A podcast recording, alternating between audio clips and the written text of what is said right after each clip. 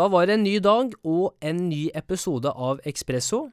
I dag så prater jeg med Yrja Oftedal. Hun er host av podkasten Power Ladies, hvor hun så langt har intervjuet over 130 helt råsterke, råe damer om hvordan de har på en måte dems reise, hva de har fått til gjennom karrieren, hva som har vært viktig for de, og hva de ønsker å formidle til yngre generasjoner som har noen å se opp til. Moren til Yrja har vært et veldig viktig forbilde for hun, og når hun vokste opp, så var det ingen større speil i huset deres, det var kun ansiktsspeil. Og det moren har lært og formidlet gjennom til Yrja, er at vi snakker kun positivt om andre mennesker. Vi snakker høyt om andre, andre mennesker, vi spiller mennesker gode, og det er noe Yrja har tatt med seg videre. Selvfølgelig Yrja, og, og, og, grunnen til at hun ville starte den podkasten, var fordi at hun selv savnet sunne, gode forbilder gjennom oppveksten, og da særlig kvinnelige forbilder. Og det blei også en, en, reise for henne, det å finne seg selv. Hva er det egentlig skal gjøre med livet mitt? Hva slags interesser har jeg? Men hun har alltid vært opptatt av å fortelle og skape historier, og formidle noe. Som igjen nå er resultatet av hvorfor hun har startet Power Ladies. Vi snakker også om reisen med 71 grader nord, hvor hun kom helt til finalen. Hvordan å bruke Pippi Langstrømpe-sitatet. Ikke sant? Dette har jeg ikke gjort før, så dette klarer jeg. Det å snakke seg selv høyt, det å gi seg selv selvtillit, sørge for at man fungerer best mulig, og ikke være redd for å gjøre feil. I forhold til hvordan er det man bygger team, og særlig når man er med på en reise som 71 grader nord, så er det veldig interessant å presse mennesker til de ytterste grenser, men samtidig også legge et kamera inni der og se hvordan mennesker blir når faktisk ting går eh, mot dem hele veien. Det funka ikke for Yrja. Hun har vært positiv gjennom hele den 71 grader nord-reisen. Og hun kom i duell på duell, men fortsatte å vise at ting hun ikke har gjort før, det kan hun hvis hun tør å satse. Så det var utrolig gøy å, å høre mer om. Og selvfølgelig avslutningsvis så snakker vi litt om livets erfaringer og råd til de som vokser opp i dag, hvor viktig det er å ha sunne, og gode forbilder rundt seg, og hva som skal til for å lykkes uansett hva du gjør. Og da kommer selvfølgelig den janteloven inn, som alltid. Vi føler at vi blir flinkere på det, men det å kunne tørre å snakke høyt om egne ambisjoner, ikke være redd for å gjøre de feilene og lære, og virkelig ta det steget ut, er noe som har vært fellesnevneren for alle de personene som Irja intervjuet, intervjuet også. Så det her er episode 56 med Yrja Oftedal, host av Power Ladies. Nyt!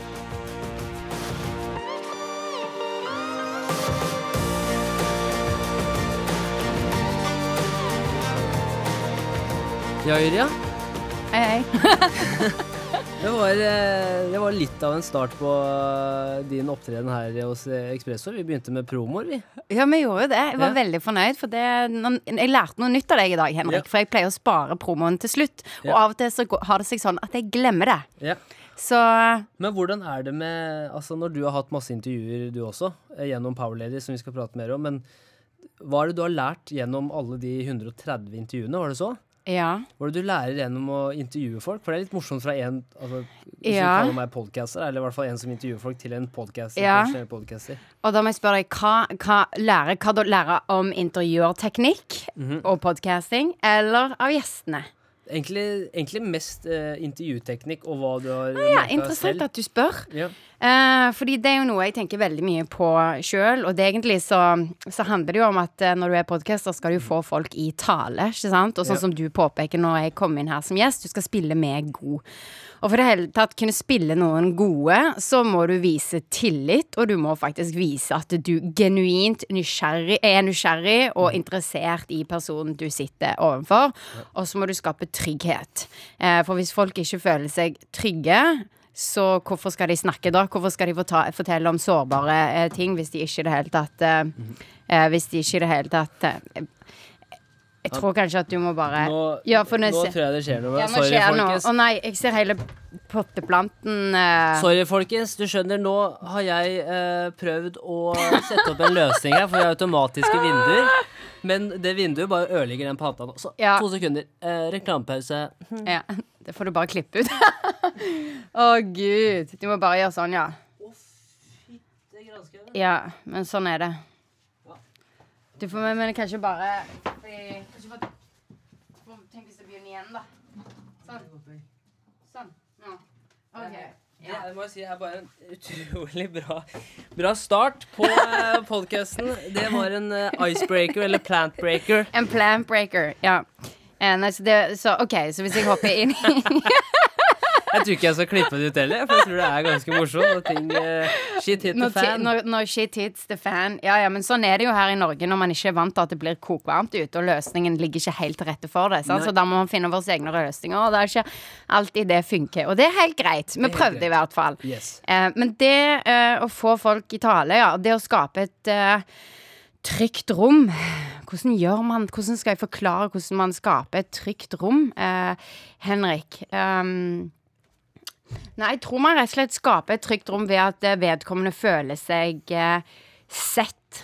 Eh, og da må du rett og slett være nysgjerrig, oppriktig, se folk inn i øynene og, og på en måte ja, vise med hele kroppsspråket da at eh, eh, du verdsetter denne personen, ikke sant? Med blikkontakt, eh, med, med hvordan du sitter med bordet, ikke sant? For jeg kunne jo bare sittet sittet som intervju. Sant? Alt, Ja. det, det, det er så mye som spiller inn, da, som, som krever at uh, For meg så kommer det kanskje litt sånn naturlig, for det er jo noe jeg har vært interessert i hele livet, spesielt mennesker, å få folk til å snakke. Uh, men um, det er jo noe man kan studere og øve seg på sjøl. Bare lære seg av, av kroppsspråk, lære seg hvordan gjøre et godt førsteinntrykk, eh, lære seg hvordan å um, ja, bygge tillit og trygghet da på kort tid. Ja.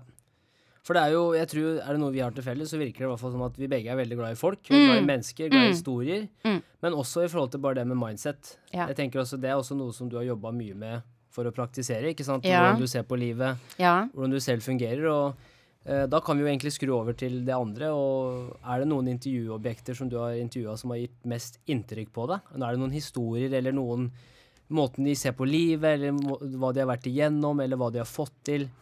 Åh, det er så mye, vet du. Fordi jeg har jo intervjua, som vi nettopp snakket om, opp mot 130 suksessfulle damer, da. Og alle har jo eh, sin historie og er forskjellige, men samtidig veldig like.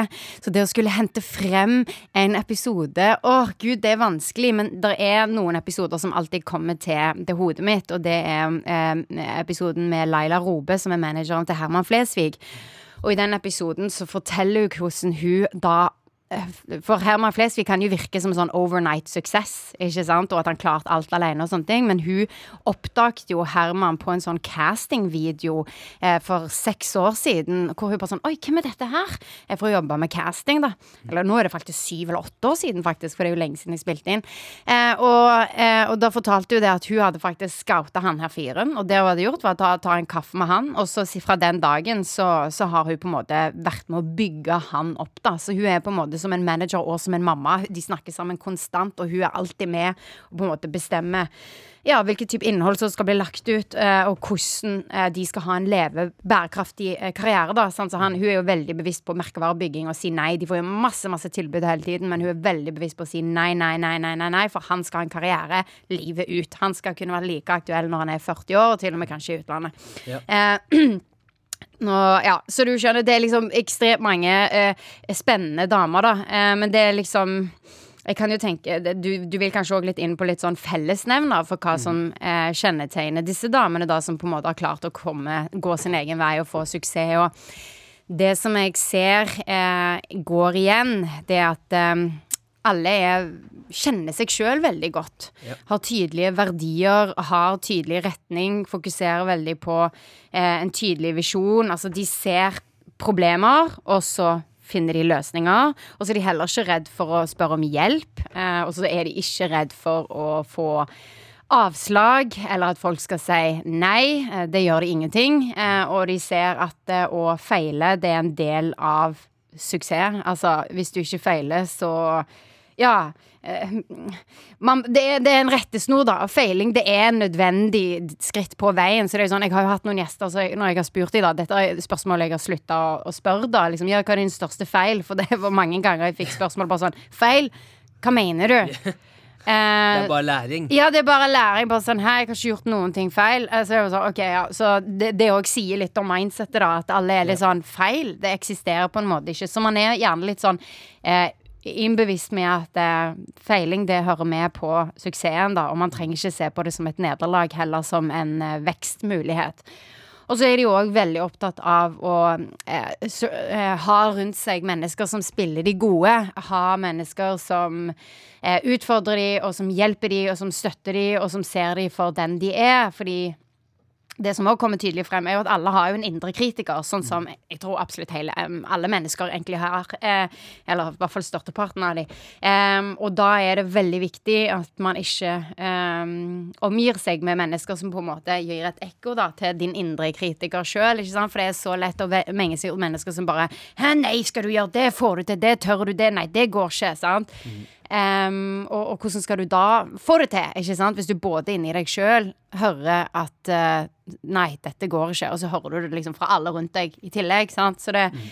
Da er det jo veldig vanskelig å få tro på seg sjøl. Så for å få um, tro på deg sjøl til å tørre å satse, så er det viktig å ha um, gode mennesker rundt seg, da. Så det er liksom noe av det som går igjen uh, hos de menneskene som, uh, som jeg har intervjua. Mm. Mm. Og det, Du nevner jo flere ting, men det å ha gode støttespillere rundt seg og eh, rett og slett også takle motgang og takle nei, ja. og, og, på en måte at det å gjøre feil eller det å drite seg ut er ikke slutten, på en måte, men det er bare en del av, mm. del av reisen. ikke sant? Men så nevner du også noe annet som jeg syns er veldig interessant, og noe jeg har lært Uh, mer av de siste årene, og det er også det å si nei. Mm. Ikke sant? Og, og, skjønne at du, du, kan gjøre alt, men du kan ikke gjøre alt samtidig. Mm. Du må kunne ja. prioritere og så fokusere. ikke sant? Og det hvordan har det vært for deg bare i ditt eget liv? Altså Det der med å si nei til ting. For du har jo takka ja til ja. å være med her. Så da ja. i hvert fall føler jeg meg veldig privilegert. Ja.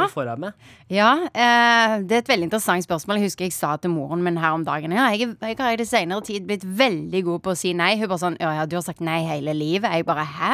Har jeg vært en person som har sagt nei hele livet? Eh, så jeg tror jeg på en måte har et litt sånn ja, unikt syn på at eh, jeg har aldri vært redd for å skuffe noen, på en måte. Jeg har alltid Um, mange er jo redd for å si nei for å skuffe andre, eller for å, å tenke liksom Å nei, nå tenker de sånn om meg hvis jeg sier nei. Å nei, jeg må være perfekt, så da må jeg si ja til alt. Eller å, tenk hvis jeg går glipp av noe. Uh, så, så, jeg på en måte har nok vært ganske heldig, vil jeg, at jeg alltid har tenkt at OK, hvordan kan jeg ha det bra sjøl? Og hvordan kan jeg vedlikeholde min Eh, energi og min glede, sånn at jeg kan ha, ja, ha det bra her og nå, men samtidig jobbe mot mitt mål, da. For hvis du f.eks.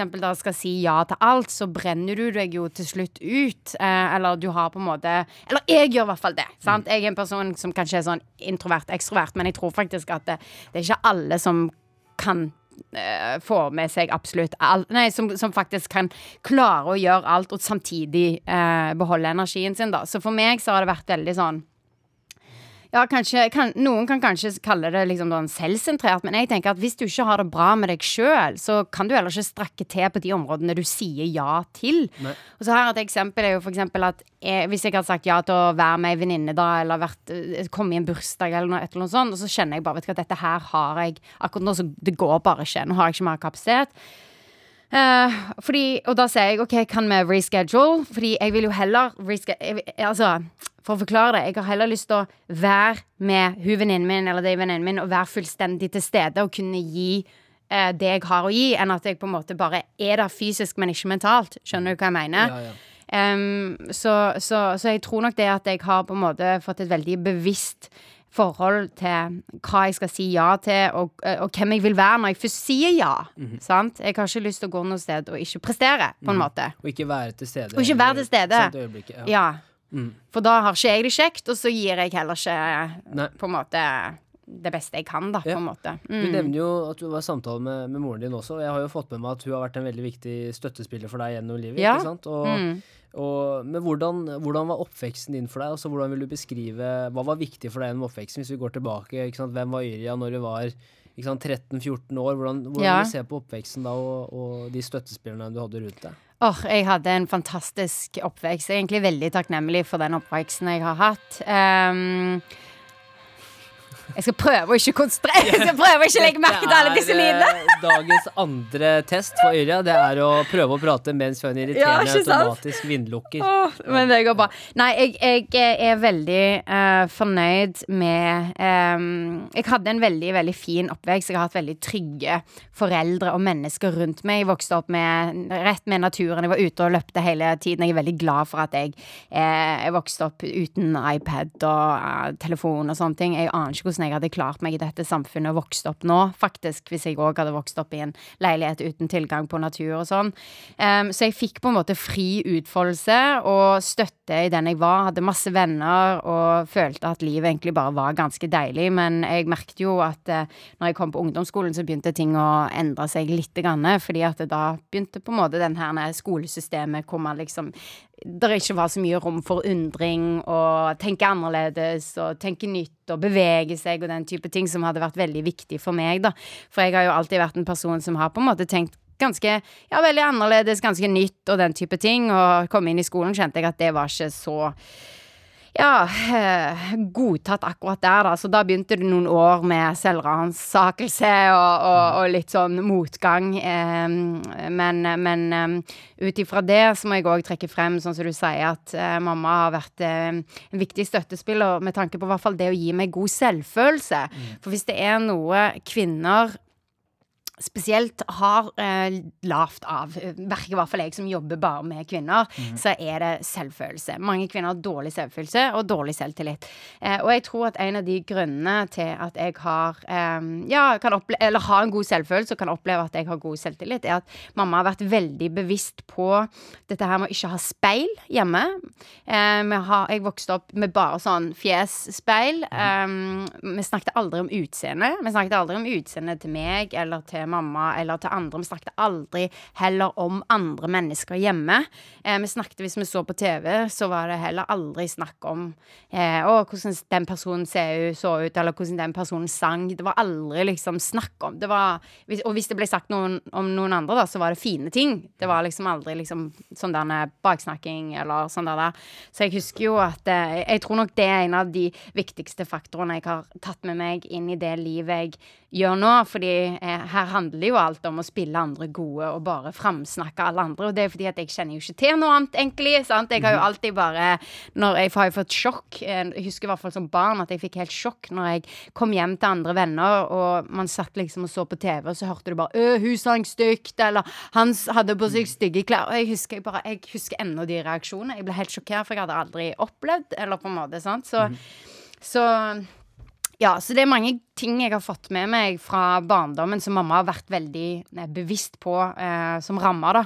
Som har gjort meg til den jeg er i dag, eh, tror jeg, da. Men eh, jeg skulle ønske at jo eldre jeg ble, at jeg fikk på en måte enda mer eh, støtte fra både samfunnet og venner og mennesker rundt meg med tanke på ja, hvilken retning jeg ville gå i livet, og hvem jeg var som menneske, på en måte, og mine tanker. Jeg ble på en måte alltid bare ja, slått litt ned på av alle mine nytenkende tanker, eller alle mine drømmer, de var for store, og mm. den type ting, da.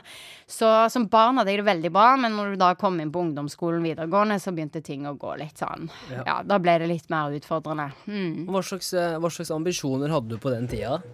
Um, nei, på den tiden så hadde jeg jo egentlig en, eh, et ønske om Nei, det er det, det, det, som er så veldig vanskelig å spørre meg om. Men jeg har på en måte alltid sett for meg at jeg skulle jobbe med formidling. Jeg har alltid sett for meg at jeg skulle jobbe med TV og radio eller på en eller annen måte. Men jeg har på en måte ikke helt skjønt Jeg skjønte ikke helt hvordan jeg skulle få det til. Eh, fordi det var ikke som jeg så for meg at jeg skulle ha mitt eget brand. Men eh, eh sosiale medier var jo ikke et faktum på den tiden. Altså, jeg er jo nå 32 år, så eh, jeg har liksom alltid sett for meg at jeg hadde lyst til å jobbe med formidling, med TV TV, med radio, og, og, og rett og slett bare ja, dele informasjon fortelle med folk. Ja, fortelle liksom. historier. Ja.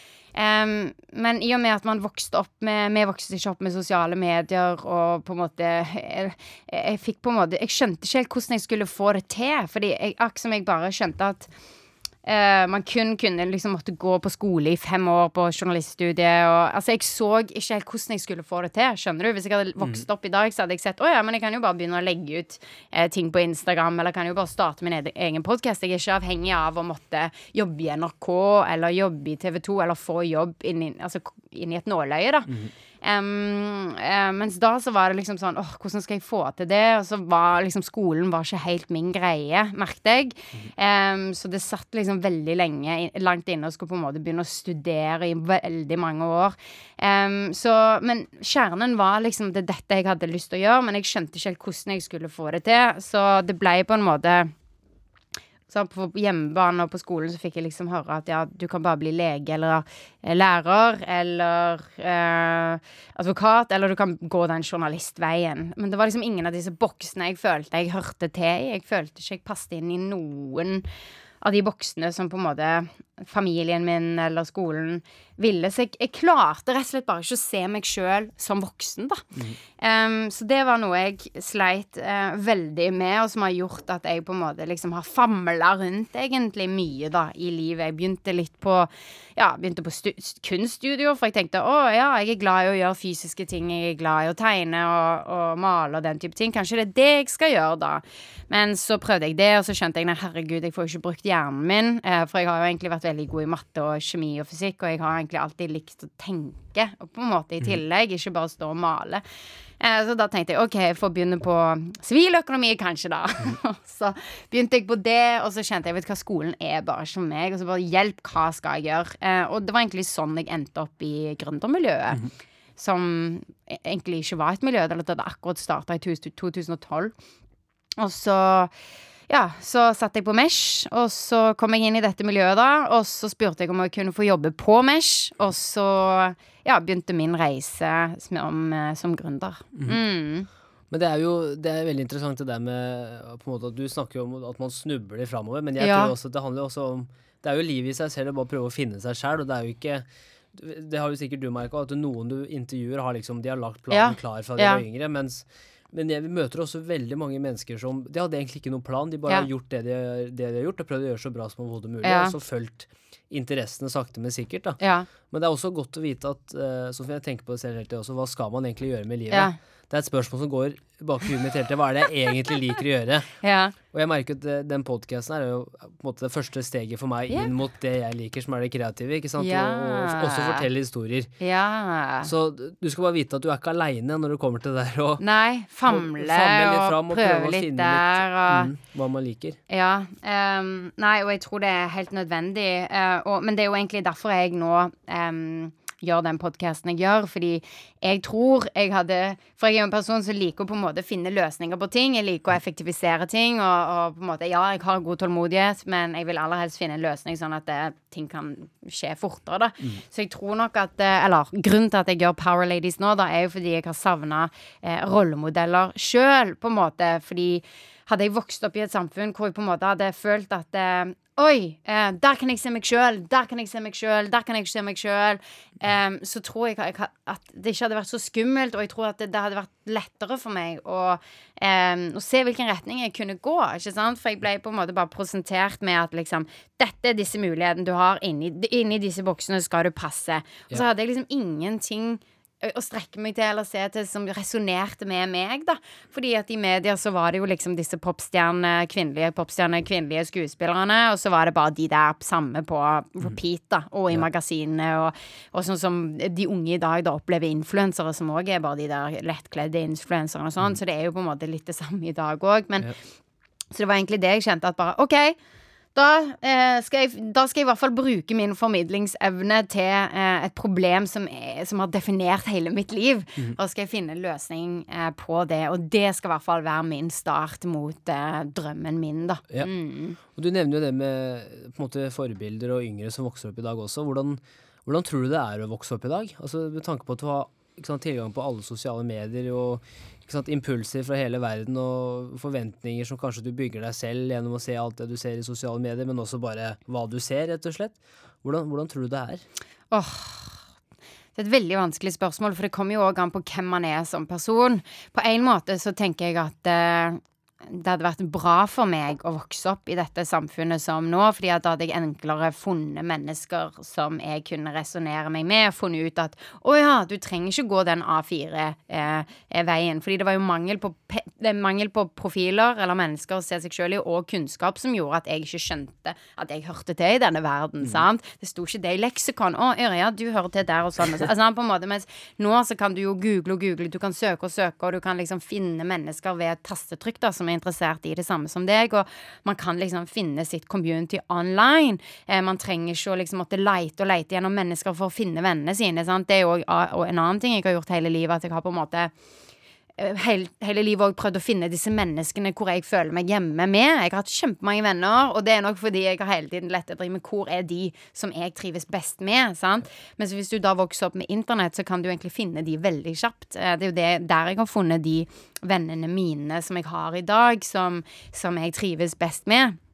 Så jeg tror på mange måter at det er fantastisk å leve opp med de eh, sosiale mediene og internettilgangen som man har i dag. Fordi man ser det er kjempemasse muligheter. Man kan lett, eh, for, man kan lett finne folk man, man kan eh, eh være venner med og resonnere med og bare føle at man ikke er alene og føle at man blir sett. Da. Eh, men så er det jo samtidig at det er jo mye liksom, press og dette her med eh, ghosting med venner. Altså på en måte det er lett å bli utsatt for mobbing, da òg på, på, internett, og, og, og, når alt foregår der som er sosialt. Og, og, dette med at man liksom ser veldig ofte disse influenserne med lettkledde eh, klær og sånn kroppsidealer, og det er vel Men vi har jo på en måte òg sånn, hadde jo det når, når jeg vokste opp òg. Du så jo det på alle disse magasinene og i media og sånne ting. Men det er jo noe med det å bli på en måte konstant, konstant, constantly eh, påminnet hvert femte minutt når du trykker på mobilen. Så det er jo jeg tror det er veldig pros and cons, um, men jeg uh, ville nok ikke, hvis jeg hadde fått et barn nå, så hadde jeg liksom veldig begrensa bruken av å stirre på en telefon, ha uh, telefonen tilgjengelig, se på iPad, uh, fordi jeg tror, ikke det er, jeg tror ikke det er bra å gjøre det som før du er tolv, liksom maks, ja. eller minst, liksom. Mm. Men du, det, det, du nevner, ikke sant, det som moren din gjorde med deg gjennom oppveksten, ja. ikke sant, i forhold til det der, og her snakker vi bare positivt om andre mennesker, det er jo ja det er kanskje viktigere enn noen gang før. Ja. Og kanskje å faktisk kunne ta de samtalene med de yngre. Dette ja. er det når du snakker om andre mennesker, så skal det være positivt. Du skal snakke opp andre mennesker, du skal ja. spille andre gode. Uh, for det er jo ingen som er født med sterke meninger. De kommer jo gjennom ja. De kommer gjennom uh, oppveksten ja. på en eller annen måte. Um, så jeg bare tror kanskje det der er noe som kanskje er viktigere enn noen gang før. da. Mm. Um, men gjennom den Du sa jo den selvransakningsprosessen hvor du fant deg selv. Sånn, hva, det, hva, hva, slags ting har vært viktig for deg, som du har sett har forma deg altså, som person, gjennom alle de tingene du har gjort? da? Å, oh, så dypt spørsmål. Det var veldig dypt, faktisk. Herregud. Eh, det er kjempedypt spørsmål. Det er så mange ting, så mange sånne dots, som Steve Jobs sier, som ja. på en måte connecting the dots. Men jeg kan si det viktigste Kanskje det et av de, et av de Kanskje det aller viktigste vendepunktet jeg har hatt, det var når jeg dro til San Francisco, eh, Silicon Valley, eller hva man skal kalle det, når jeg pakka sakene mine og sa opp jobben på Mesh og bare flytta over dit eh, i noen måneder, eh, da skjønte jeg jo at liksom For jeg var jo sånn, bare for å gi en sånn kort bakhistorie, for jeg var jo veldig sånn Dette var jo, jo mange år siden, og gründermiljøet har jo blitt mye større nå. Nå er det jo mange som tenker stort, og som er kjempeflinke og sånne ting, men på den tiden så, så var det fremdeles litt sånn Folk tenkte ikke, tenk, tørte ikke å tenke så stort, og man gikk hjem klokka fire, og liksom Det var på en måte ikke den der skikkelig høye ambisjonen Take over the world, let's do this, we can do this like, Alt dette er sånn mm. amerikanske holdninger da som tydeligvis sant, jeg, jeg trekkes veldig imot. da Så hadde jeg liksom hørt noen rykter da fra Silicon Valley, og, og, i tillegg til det så var det jo bare gutter. Det var jo bare meg og gjeng mannfolk der på Mesh, sant? så det var jo òg det bare sånn, men hvor er alle jentene? Det var så mange ting som på en måte jeg savna da. Jeg savna ambisjoner, jeg savna å se flere jenter. Og så tenkte jeg OK, la meg dra til Silicon Valley. Jeg har hørt noen rykter om at der eh, eh, kan det være noen spennende greier. La oss ta en sjanse, liksom. Vi pakka sakene mine og dro bort. Kjente ingen. Men jeg er jo veldig sånn når jeg først går inn for noe, så ja, så er det tunnelsyn, og så får jeg til det jeg har lyst til å få til, på en måte. Um, så jeg satte opp masse møter og følte jeg liksom pløyde meg gjennom hele Silicon Valley der borte på bare noen korte uker i første omgang. Um, men når jeg kom bort der, så var det som at jeg på en måte følte at jeg kom kom hjem, eh, og det kjente jeg allerede bare jeg liksom land, Det var bare helt sprøtt. Jeg bare akk som jeg følte det bare med en gang jeg gikk ut av flyet, nesten. Fordi det, det er bare en helt annen ja, plutselig så så jeg mennesker som jeg kunne se meg sjøl i. Ikke mm. sant? Og det med en gang du kan se mennesker som du klarer å se deg sjøl i, så, føl, så føler du deg ikke lenger like aleine. Du mm. føler at 'oi, jeg hører faktisk til', her er det noen som er like meg. Og det betyr så mye, i hvert fall for meg, da. Eh? Mennesker som da bare tenkte stort, take over the world, og samtidig skapte liksom sin drømmejobb. Det var jo bare helt sykt bare, for meg å bare sånn OK, hun sier hun kan det og vil det, og så gjør hun det. Og så bare Ja, selvfølgelig kan hun gjøre det, sier hun. Liksom, ja, så? Bare folk med, som, som bare hadde lyst til å skape det livet de hadde lyst til, og trodde oppriktig at de kunne få det til. Og trodde oppriktig at de til og med, til og med kunne liksom endre verden. Sant? Og bare det høre at noen sier noe sånt, og, som ja. med den største eh, til, til, eh, liksom, Med den største selvfølgelighet. Da er det jo bare sånn Oh my God! liksom Where yes. have you been my whole life? Ja, liksom ja. sånn Og det var så mange av de, og det var bare så fantastisk å kjenne på denne self Eller denne uh, confidencen. Mm -hmm. Selvtilliten. Ja, selvtilliten. Ja. Um, og bare Ja, opp, oppleve det på tett hold. Det var bare helt sånn. Og ikke bare det, men det var jo det at de òg sa til meg Ja, men hva er det du vil? Hvem liksom Hva, hva liksom De så meg for den jeg var. Så ja, selvfølgelig kan du det. Selvfølgelig kan du det. Selvfølgelig. Liksom, når du da mhm. får se at vennene du får deg, som du er helt lik Det er jo ingenting forskjell for meg og de som jeg møtte der borte. Når de får det til, så kan ikke jeg være dårligere. Jeg er jo helt lik de. sant? Mm. Um, så det ga meg en sånn skikkelig selv, selvtillitsboost uh, som jeg virkelig trengte. Og bare det av følelsen av å høre til. Det, det betyr alt. Og så samtidig som jeg så fikk jeg bekrefta alle disse her visjonære tankene mine, eller hva man skal si det, sånn som jeg alltid har på en måte blitt ledd av hjemme, da, når det kommer til teknologi, eller om det kommer til mat, eller om det kommer til helse. Altså alt jeg har på en måte alltid ligget veldig mange år eh, fram i tid, som har gjort at eh, jeg ja, alltid blitt ledd av da på et vis, på en eller annen måte. Så det var veldig godt å på en måte bare få bekrefta at alt det jeg har prøvd å fortelle de der hjemme om, det er sånne ting som de holder på å jobbe med der borte. Så for ja. meg så var det bare sånn det var så mange brikker som falt på plass, da. Så det er jo egentlig det som har kanskje gjort at jeg i hvert fall føler meg trygg og rolig og har fått den selvtilliten jeg trengte for å tørre å liksom komme tilbake igjen og, og endelig da eh, satse på min egen greie. Ja. Mm. Det med, det med, å selge seg selv og, og, på en måte prøve å se på seg selv som en merkevare, ja. og noe som amerikanerne gjør veldig, veldig bra, og du ja. ser jo det med teknologiselskaper også, så har du jo liksom De har 70% i, i salgsavdelinga, så har de 30% som driver med utvikling av produktet. Så de på en måte selger jo et halvferdig produkt ja. ikke sant? Og, og, har veldig stor tro på det de kan få til. Og så prøver man å koble det til det menneskelige. Hvordan kan man se på seg selv som en merkevare og, og bygge seg selv opp den måten? Hvordan ser du det har endra seg i Norge? Altså I forhold til det startup-miljøene som har på en måte eh, blomstra opp, da, men også enkeltindividene i forhold til hvordan man selger seg selv på sosiale medier, bygger et brand osv. Oi. Åh, jeg vet ikke om jeg er riktig person å spørre om det.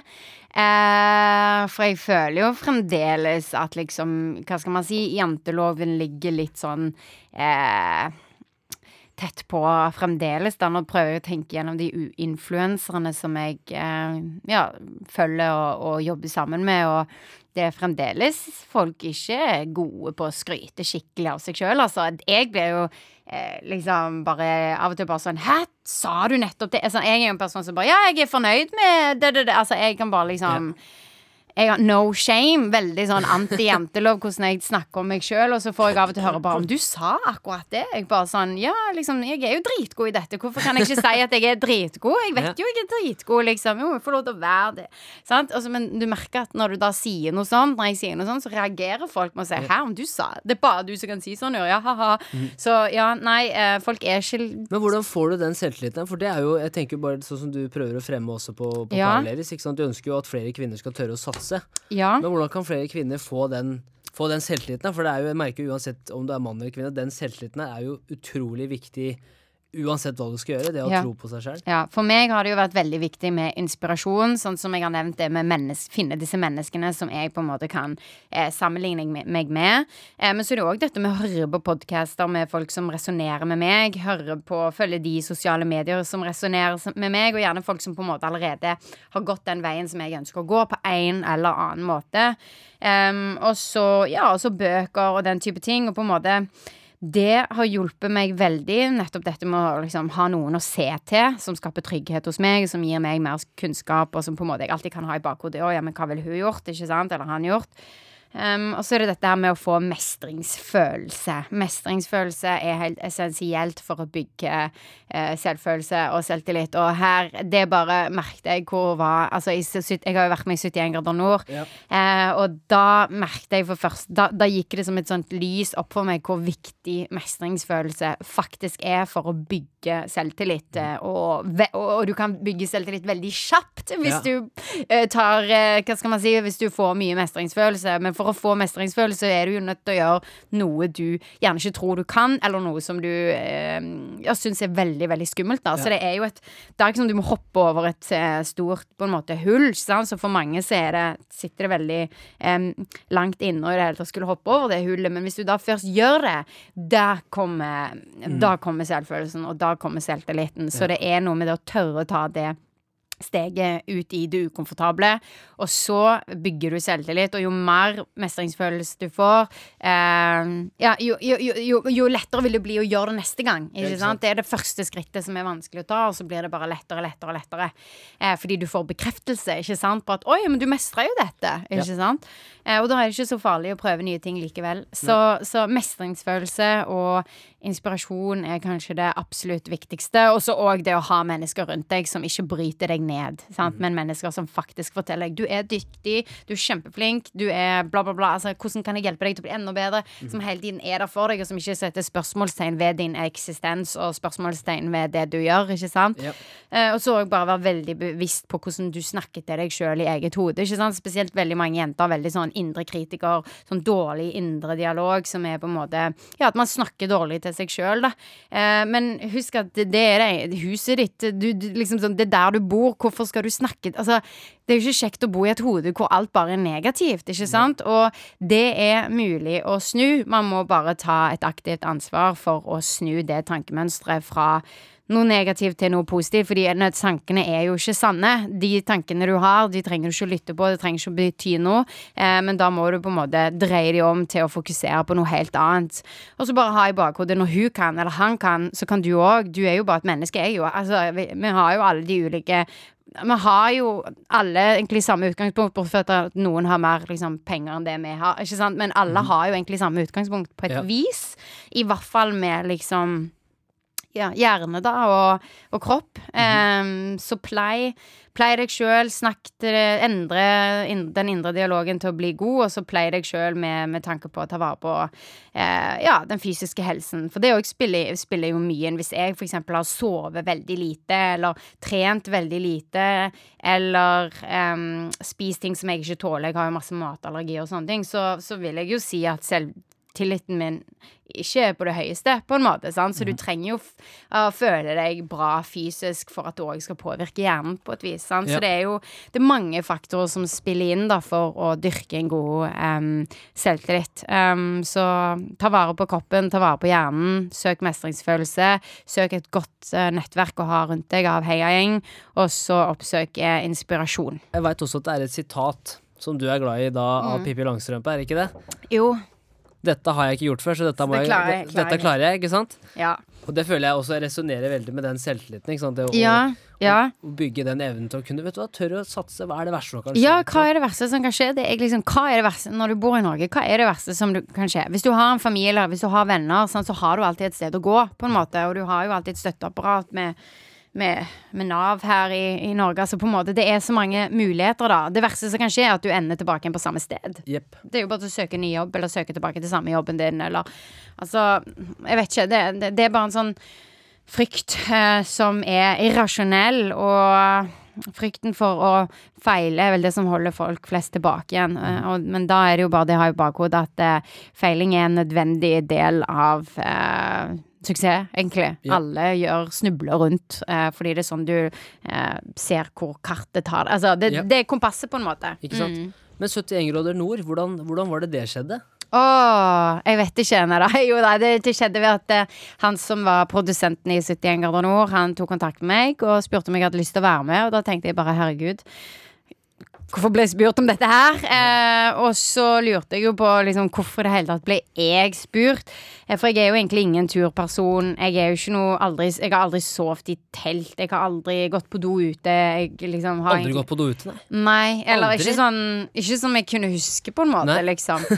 Eh, sånn, så det var jo en kjempebarriere for meg der inne. Jeg spiste jo ikke de første tre dagene for jeg ikke ville gå på do. Liksom. Det, da har du en stahet uten like, tydeligvis. Altså Ja. Når du går med 25 kilo på ryggen, du går i 14 timer hver dag i pøsende regn, og så spiser du ingenting fordi du ikke har lyst på å gå på do. Ja. Altså Det er bare helt, det er helt, det er helt Det er viljestyrke òg, da. Det, ja, ja, ja, det er viljestyrke òg, men det er jo sånn grunnen til at jeg ikke ville gå på do, var fordi at det pøste. Sant? Så det er jo sånn Når jeg først skal på do, så liksom sant Ja, det var bare Men hvordan funker et sånt konsept som altså, hvordan, For det du ser på TV-skjermen, er jo eh, ikke sant, gullkornene, selvfølgelig. Ja. Jeg vet ikke hvor mye de klipper, sånn, men hvordan er det egentlig behind the scenes når du Eller ta oss med, hvordan var det den første dagen når du kommer dit? Å, herregud. Det er jo noe av det beste jeg har vært med på i hele mitt liv, men òg noe av det mest intense og sykeste jeg har vært borti. Fordi eh, jeg visste jo ikke hva jeg gikk til. Jeg hadde jo ikke sett programmet. Jeg hadde jo aldri liksom gått med kart og kompass eller sekk før i, i mitt liv, men jeg tenkte liksom OK, dette skal jeg jo klare. Sant? Altså, liksom, Her kommer Pippi! ja, jeg ble spurt for en grunn. Eh, men det første som møter oss, er jo bare liksom flørlig i trappene og flørlig sånn rett opp, og så striregn. Og så tar jeg med, på meg den sekken. Jeg bare kødder du? Skal jeg gå med denne sekken? Og så rett opp sånn. Eh, og så med, med et lag, da, som du bare ser at liksom Herregud, for en sammensetning av et lag. Bare sånn totalt forskjellige folk. Og så skal du få til å samarbeide med disse menneskene i striregn. Jeg kunne jo ikke kart og kompass, eller jeg hadde lest om det på internett. Um, jeg hadde Det er så bra, vet du. Det er så ja, bra. Og dette, det, det her forstår du hvem jeg er som person. Ja. Sant? Jeg gikk jo inn da Målet mitt var jo at jeg skulle i finalen. Det var målet mitt Jeg skulle ha den fineste sommerferien jeg noen gang kunne ha. Så jeg, ingen skulle ta fra meg den sommerferien. Mhm. eh, for jeg var så klar for å ha liksom fire uker sommerferie. Eh, så så det var liksom uaktuelt at jeg skulle ryke ut, da. Um, og så, så jeg bare sånn OK, jeg skjønte raskt at uh, her var det ingen som egentlig kunne kartet bedre enn meg, så da tar jo jeg bare kartet og bare Nå kjører vi. Ja, nå kjører vi. Jeg har aldri kunnet kart og kompass, men jeg kjente bare OK, her må jeg ta kontroll, i hvert fall, fordi jeg vil i finalen, og da må man bare gjøre det sånn. Så da, ja, så ble liksom jeg da den kart- og kompasspersonen. Jeg hadde jo trodd at jeg skulle være den som var dårligst i kart og kompass. Jeg kom jo inn der og tenkte yes, nå skal jeg bli dritgod i kart og kompass, nå skal jeg lære det, det, det. Men så ble det jo bare at jeg da plutselig tok ansvar og ja leda hele den gruppen da uten at det Så det var mye, mange ting som endra seg, men du snakket også behind the scenes. Det kan liksom se ut som vi går veldig korte turer, men i virkeligheten så var det helt vilt brutalt, altså. Den korteste turen vi hadde, var vel på tolv timer.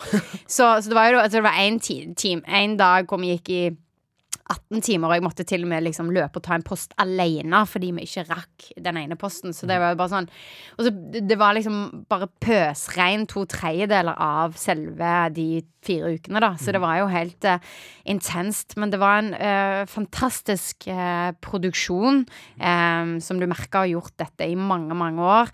Og jeg lærte bare Jeg lærte vanvittig mye av å være med på den turen. Jeg lærte ikke bare å sette opp eh, sånn der telt og liksom at det ikke var kaldt, og at eh, lage mat og lage kart og kompass, men jeg skjønte jo at eh, dette med, med, med mestringsfølelse, at jeg er faktisk Jeg var flinkere enn jeg trodde. Jeg gikk jo inn der og tenkte at eh, ved første anledning jeg kom i utslagskonkurranse, så ryker jeg hjem, fordi jeg er jo ikke god i klosser. Jeg, jeg hadde jo sagt til meg sjøl disse tingene, at jeg var ikke god i klosser, jeg var ikke god i eh, puslespill og alle disse greiene her. Sant? Jeg var helt overbevist om at jeg var verdens dårligste i dette her.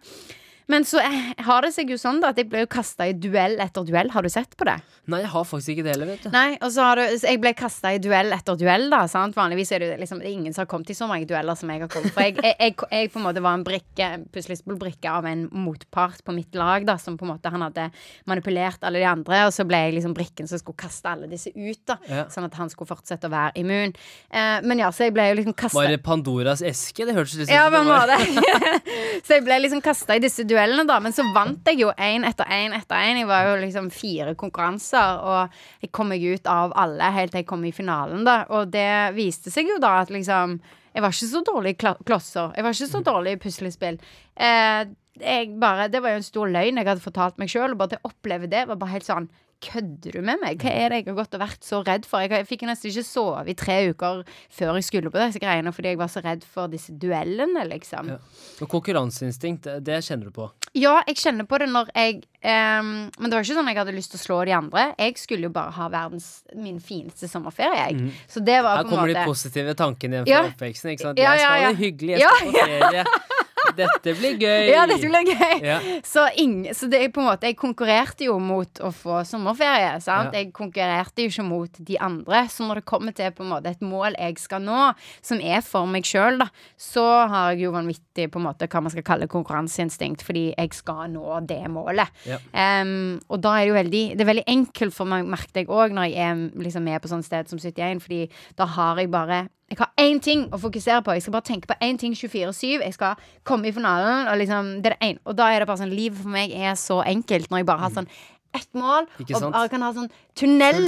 Ja. Å, å, det, da trives jeg så godt. Da er det liksom ingen som kan vippe meg av pinnen. Ikke sant? Så jeg merket jo når jeg kom hjem, at eh, Å, herregud. Det er liksom nesten sånn toppidrettsutøver. Når ja. du har nådd målet ditt, hva, hva, faen skal du da? Hva skal du? Ja, hva skal du gjøre nå? Og så har du ingen steder hvor du liksom kan ha fullt liksom klart ett mål, ett mm. fokus. Så det merket jeg var veldig utfordrende når jeg kom hjem, og merker det jo litt sånn fremdeles òg, at jeg er litt sånn åh, åh, liksom, hvor skal jeg legge mm. Ja, jeg liker best å ha fullt fokus. Ja. Eh, men en annen ting jeg òg lærte på 71 grader nord, er jo òg viktigheten av fiender. Mm. Eller viktigheten av gode konkurrenter. For han der fyren som alltid bare kasta meg ut i disse duellene, da. Hadde ikke han vært med, så hadde jo ikke jeg fått vist hvem jeg var heller. Så hadde jo ikke ikke jeg fått prestert på mitt beste. Fordi han tvinger jo meg til å, å bli enda bedre, fordi jeg vil ikke ryke ut. ikke sant? Så hvis, når han er der og, der og setter på en måte en stopper nesten for meg, så må jeg jo på en måte ja, da må jeg gi inn i et ekstra gir, da. Mm. Eh, og det var jo det som gjorde at jeg fikk um, ja, så enormt mestringsfølelse, da. For jeg måtte gi det ekstra giret. Så ja. konkurranse, enten om det ja, bedrift eller hva enn det er, er så viktig for prestasjonen. Mm -hmm. um, det lærte jeg òg. Ja. Mm. Men selv om jeg ikke så hele serien, så så jeg jo noen videosnutter, og det virka som du var en veldig gledesspreder. Ja. Uh, og det er jo et uh, utrolig interessant eksperiment. Ja. Og én ting er jo å sende folk ut på ekspedisjon hvor de skal presse seg, presse seg selv til sine ytterste grenser. Ja. Men et annet element som ikke folk kanskje snakker så mye om, er jo at du putter jo også et kamera mm. inn i den sirkelen. Og mm da kommer det også fram hvordan mennesker egentlig er. ikke sant? Mm. Men du virka jo veldig positiv gjennom hele, hele ja. reisen. Hvordan, hvordan, så du det? Ja, den var, dynamikken? Jeg var kanskje det. Eh, men det er fordi at det skal veldig mye til å stresse meg eh, og vippe meg ut av pinnen. Eh, eller det, det, jeg tror det er derfor det er bare sånn OK, hvis man, noe skjer, så gjør det meg egentlig ingenting. For det er jo ikke verdens undergang, på en måte.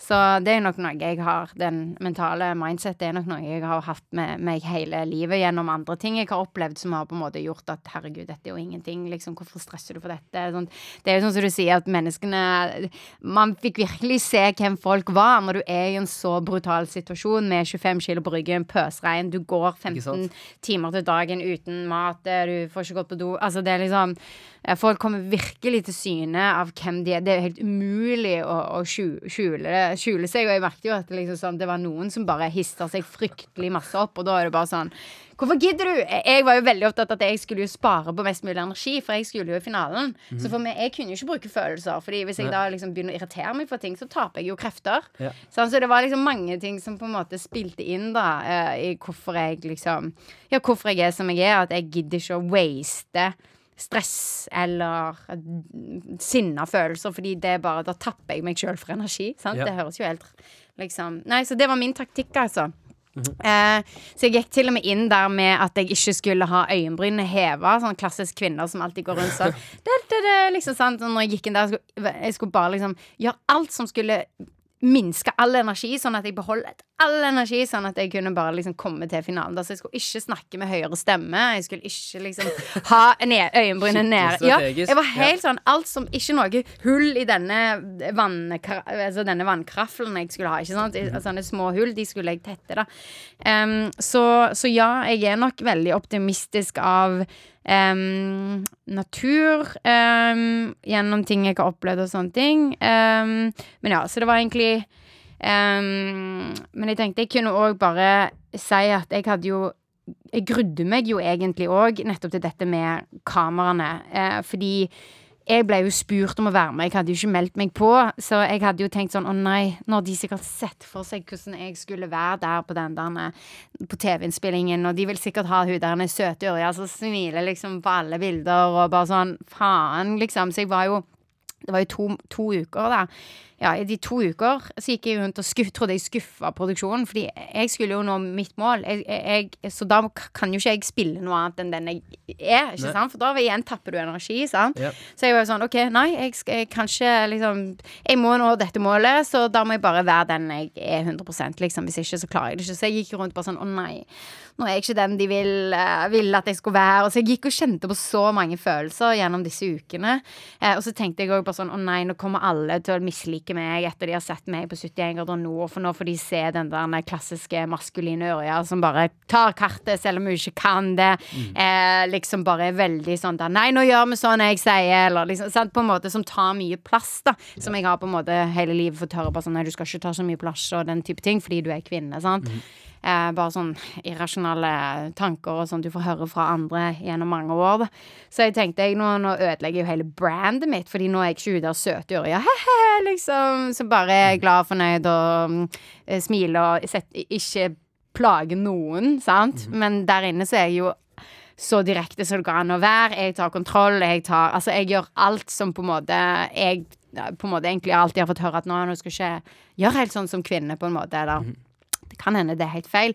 Men det som skjedde, da, var det at jeg trodde jo at jeg ødela mitt brand. Men så kom jeg ut, så begynte dette å gå på TV, og så var det jo totalt motsatt. Alle ble jo helt sånn herregud, det er jo en Pippi på TV. Bare sånn wow. Liksom det at jeg, jeg fikk jo meldinger som var sånn Bare det at, det at jeg så deg på TV nå, ja, det gjorde at jeg fikk selvtillit til XYZ. Mm. Og så var det ei som skrev å, det at jeg har sett deg nå på TV, det har gjort at jeg nå har fått mot til å ta opp siste kampen mot kreften. Jeg bare Kødder du? Og det var jeg sånn Ja, nå, nå, det at jeg så på deg på TV, gjorde at jeg fikk mot til å tørre å snakke opp eh, til, i dette møtet. Jeg var sånn Hæ? Bare at jeg bare liksom var meg sjøl på TV og på en måte bare liksom tok den plassen og var den klassiske Pippi-personen, så var det kjekt for folk å se på. Mm. Eh, så jeg fatter ikke hva jeg gikk rundt og var så redd for, altså. Og Men det, det motiverer deg selv òg, ikke sant? Ja, det er nettopp det. Og det, det sier jo litt òg om på en måte at når jeg går rundt og har disse tankene om hvordan en kvinne bør være, når jeg som på en måte blir sett på som modig og god selvtillit, alt dette, går rundt med de tankene og nei, nå skuffer jeg folk fordi jeg oppfører meg på den og den måten som samfunnet helst ikke vil at kvinner skal oppføre seg på. Ikke sant? At jeg tenker sånn, eh, det sier jo litt om eh, Ja om mm. holdninger og, eh, og, stereotyper som kvinner møter på da i samfunnet. Ja. Mm. ja. for det der med på en måte samfunnet og forventninger til kvinner ja. Mm. Du, har du kjent noe på det? altså Du nevner jo en eksempel, men har du kjent noe på det gjennom på en måte oppveksten og de seinere årene nå? Men også hvordan ser du det endre seg årene framover? For det er, jo, det er, jo, også helt tydelig at eh, noen forventer forskjellige ting til forskjellige kjønn. Ja. Ikke sant? Og, og, da er det også veldig interessant å vite liksom, hvordan har det vært for deg. og hva må også til da for at man skal få fjerna ja. Uh, pardon the French, men uh, de hvite mennene som ja. fortsatt sitter der, ikke sant? Oh, det er så stort spørsmål, men jeg har på en måte egentlig Største del av livet så har jeg egentlig ikke tenkt så veldig mye til på det, egentlig. Uh, men jeg har jo på en måte først fått sånne ja, eh, i og med at jeg har de tankene om at å, nå, nå, tar jeg for mye plass, eller noe sånt. Så jeg har jo fått det slengt mot meg fra Man får det jo fra et sted. Ja, man får det jo fra, fra familie og fra venner og fra skole, og, så det er jo ting jeg konstant har fått um, hørt opp igjennom, da. At du tar for mye plass, eller du uh, snakker for direkte, eller du uh, går ikke rundt grøten. Altså, altså, alle disse tingene som på en måte kan oppleves veldig voldsomt fra en jente, da, uh, har jeg konstant fått høre, og det er nok en av de grunnene til at det tok så lang tid for, før jeg turte å satse på min egen greie, ikke sant, eller fikk den selvtilliten nok. Um, mens nå seinere i arbeidslivet, så har jeg jo begynt å merke at det er jo noen propper eh, når de beslutningstakerne som eh, er 40 pluss eh, De som er beslutningstakere, da, 40 pluss i ulike bransjer, som på en måte jeg vil opp og frem i, da kjenner du at eh, Da her er det noe som må endres. Um, så jeg går jo og tenker liksom på hvordan skal man gjøre dette her. For jeg tror at liksom hvis bare liksom noen brikker begynner å skyves, så vil dominobrikkene falle. Men det er fremdeles på det tidspunktet nå at det liksom, de proppene er der fremdeles. Så vi trenger flere som dytter. For det er jo sånn at kvinner eksempel, ja, i investormøter, da, eksempel i startup-miljøet, så alle vet jo at uh, startup uh, kvinner med uh, startup med, med, kvinnelige teams er de som får minst mulig funding. Jeg tror de får sånn 2% eller 1% av all funding som foregår i Norden for mm. kvinnelige startups, liksom. Det er jo helt sykt. Men ikke bare det at de får liksom kun 2% av alle pengene, men når de da er i møter, så får de òg høre mye mer fokus på Uh, alt som kan gå galt. ikke sant? 'Å mm. ja, nei, men dette går ikke for de', eller bare at du får liksom spørsmål og 'ja, men dette, dette er jo risikofylt', og altså du får spørsmål med uh, alt som kan gå galt, på en måte. Istedenfor når du da er mann, så får du høre eh, om ja, hva potensialet Kan du ikke snakke mer om visjonen? Kan du ikke snakke litt mer om sånn Altså alt er positivt, og man spiller ofte ball videre, da, viser denne her forskningen. Ja. Og det merker jeg jo i andre bransjer òg. Det er jo sånn hvis jeg kommer med, med en idé, så er det jo veldig sånn så hører Høie ja, dette kommer ikke til å gå fordi sånn og sånn og sånn, og så bare masse kritiske spørsmål til at ja, men hvorfor tror du det kommer til å funke da? Men jeg er sikker på at hadde jeg vært en mann, så hadde jeg nok fått høre ja, og så kan det skje, og så kan vi gjøre sånn, og ja, så det, og så det. Altså, at noen spiller ball videre med deg. Mm. Men jeg merker at jeg, jeg får ikke Nei. ballspilling. Um, tror, du, ja. tror, du, det et uh, Tror du det blir borte med, liksom, neste, med, med generasjonene? Tror du det er at man, man, eller man ser jo også at sant, verdier og perspektiver og syn blir også ført videre ned til barna og barna. Ja. Men tror du liksom vi er der nå hvor La oss si de som har hatt veldig konservative syn på uansett uh, hvilken bransje eller hvilken måte det måtte være, at det, det er noe som kan bli minska bort eller viska ja, bort med vår generasjon. Da. Ja, jeg håper det. Jeg håper det. Og det ser jo sånn ut. Vi får jo flere Nå begynner jo media å fokusere mer og mer på likestilling. Altså, det er jo en bølge. Det, det, det, det sprer seg jo i media, film, TV eh, og på arbeidsplassen. Det har jo begynt å blitt en viktigere strategi, dette med mangfold og sånn. Eh, så jeg tror at eh, sakte, men sikkert så vil jo dette gå, men det krever jo at folk er på en måte bevisste på sine egne hva skal man si, biases, da. ikke sant? Altså at en mann 40 pluss som sitter i en beslutningstakerposisjon, bør jo kanskje da begynne å tenke å, hvordan er møtene forskjellige fra kvinnelige folk med Eller kvinner med menn, ikke sant? Stiller de samme spørsmål, eller er det helt Altså, hvilken stemning er det? Altså, mm. sånn, det krever jo at folk går litt inn i seg sjøl, og at man um, legger til rette for en strategi at uh, ting skal forbedres, da. I, mm. uh, det, må, det, må, komme fra det, det, for, Ja, det må komme fra topplederposisjon, mm. eh, rett og slett. Ja. Så det er den eneste måten at ting kan forbedre seg. Mm. Mm. Og bare det å også liksom prøve å se seg selv utenfra også, ja. som du sier da, når du, når, du, sitter i de møtene mm. Hvem er liksom, du da? Hvem er du i den uh, i for den vennegjengen kan ja. også være, ikke sant? Ja. I de møtene med mm. kollegaer, med lederen din, med folk mm. du Altså det er veldig ja. Jeg tror det er lettere enn man skulle tro, hvis man bare er bevisst på at man faktisk setter seg ned og liksom tør å stille de spørsmålene. Og livet generelt blir mer behagelig jo mer bevisst man er over, over, egne tanker, følelser, handlinger, valg. Eh, og det handler bare om at man er nødt for å ta et valg om å bli mer bevisst. Alle, mm. det, og det krever at eh, man setter seg litt inn i hvem er man, hvilke verdier har man, mener, hva er det som gir en mening, hva tapper en for energi, hva gir en energi, mm. hvem føler man seg bra med hvilke ting reagerer man på? Hvorfor håndterer man sånn, sånn og sånn? Hvorfor skaper du konflikt nå? Altså At man begynner å mm. stille seg sjøl disse stille spørsmålene. Spørsmålene ja. Um, for jeg tror at uh, verden blir et bedre sted jo mer uh, bevisst folk blir over seg sjøl, og hvordan de sjøl er som menneske for seg sjøl, og med andre, og i samfunnet generelt. Nå nærmer vi oss uh, den uh, eh, 60 minutter her, og det jeg ønsker å, å snakke litt om avslutningsvis, er jo ref det å se seg selv utenfra, ja. og, og, verdier og sånne type ting. Hvordan, hvordan, fungerer du optimalt i hverdagen? Hva er, som, hva er, det som, får deg til å måte, prestere uansett hva det er? Om det er måten du strukturerer hverdagen på, på måte, hvordan kan det se ut for deg? Ja, jeg er ikke så veldig flink til struktur, faktisk. Det kan jeg jo bare ærlig innrømme. Jeg jobber litt ut ifra impuls og litt mer sånn Eh, intuisjon? Ja, intuisjon, kanskje. Ja.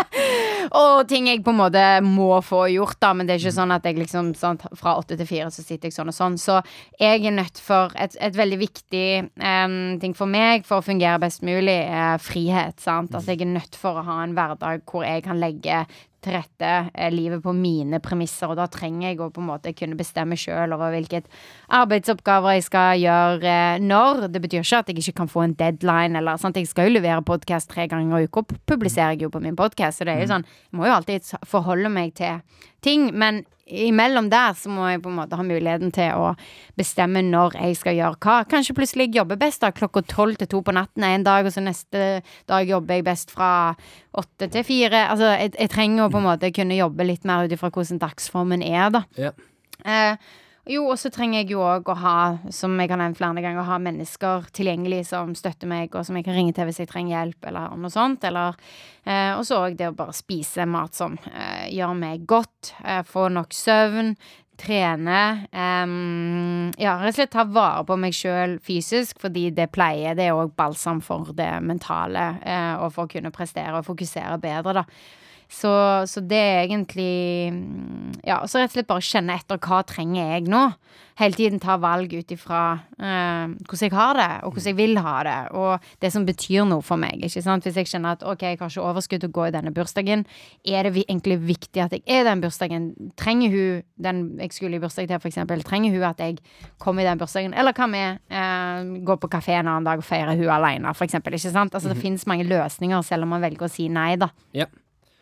Det er, eh, det er mottatt. Eh, mm. Og nå avslutningsvis så må jeg jo spørre hvordan har det vært å være med i dag? Har det vært uh, gøy? Har det vært uh, Det har vært gøy. Det har vært veldig varmt, da, men det Varmt med blomsterpotte. Det er ja. mange forbedringsting her nå i forhold til en fra en podcaster ja. til en annen. Ja. Blomsterpotta ble ødelagt, det var ja. altfor varmt. Ja. Sola midt i trynet. Ja, en vaskedame ut forbi der, og en Det har vært det har vært, det har vært mye Tester i dag. Mange tester i dag. Ja, det har det. Men det har gått bra. Ja. Mm, det har vært veldig kjekt. Det er alltid kjekt å få snakke litt eh, om seg sjøl. Mm.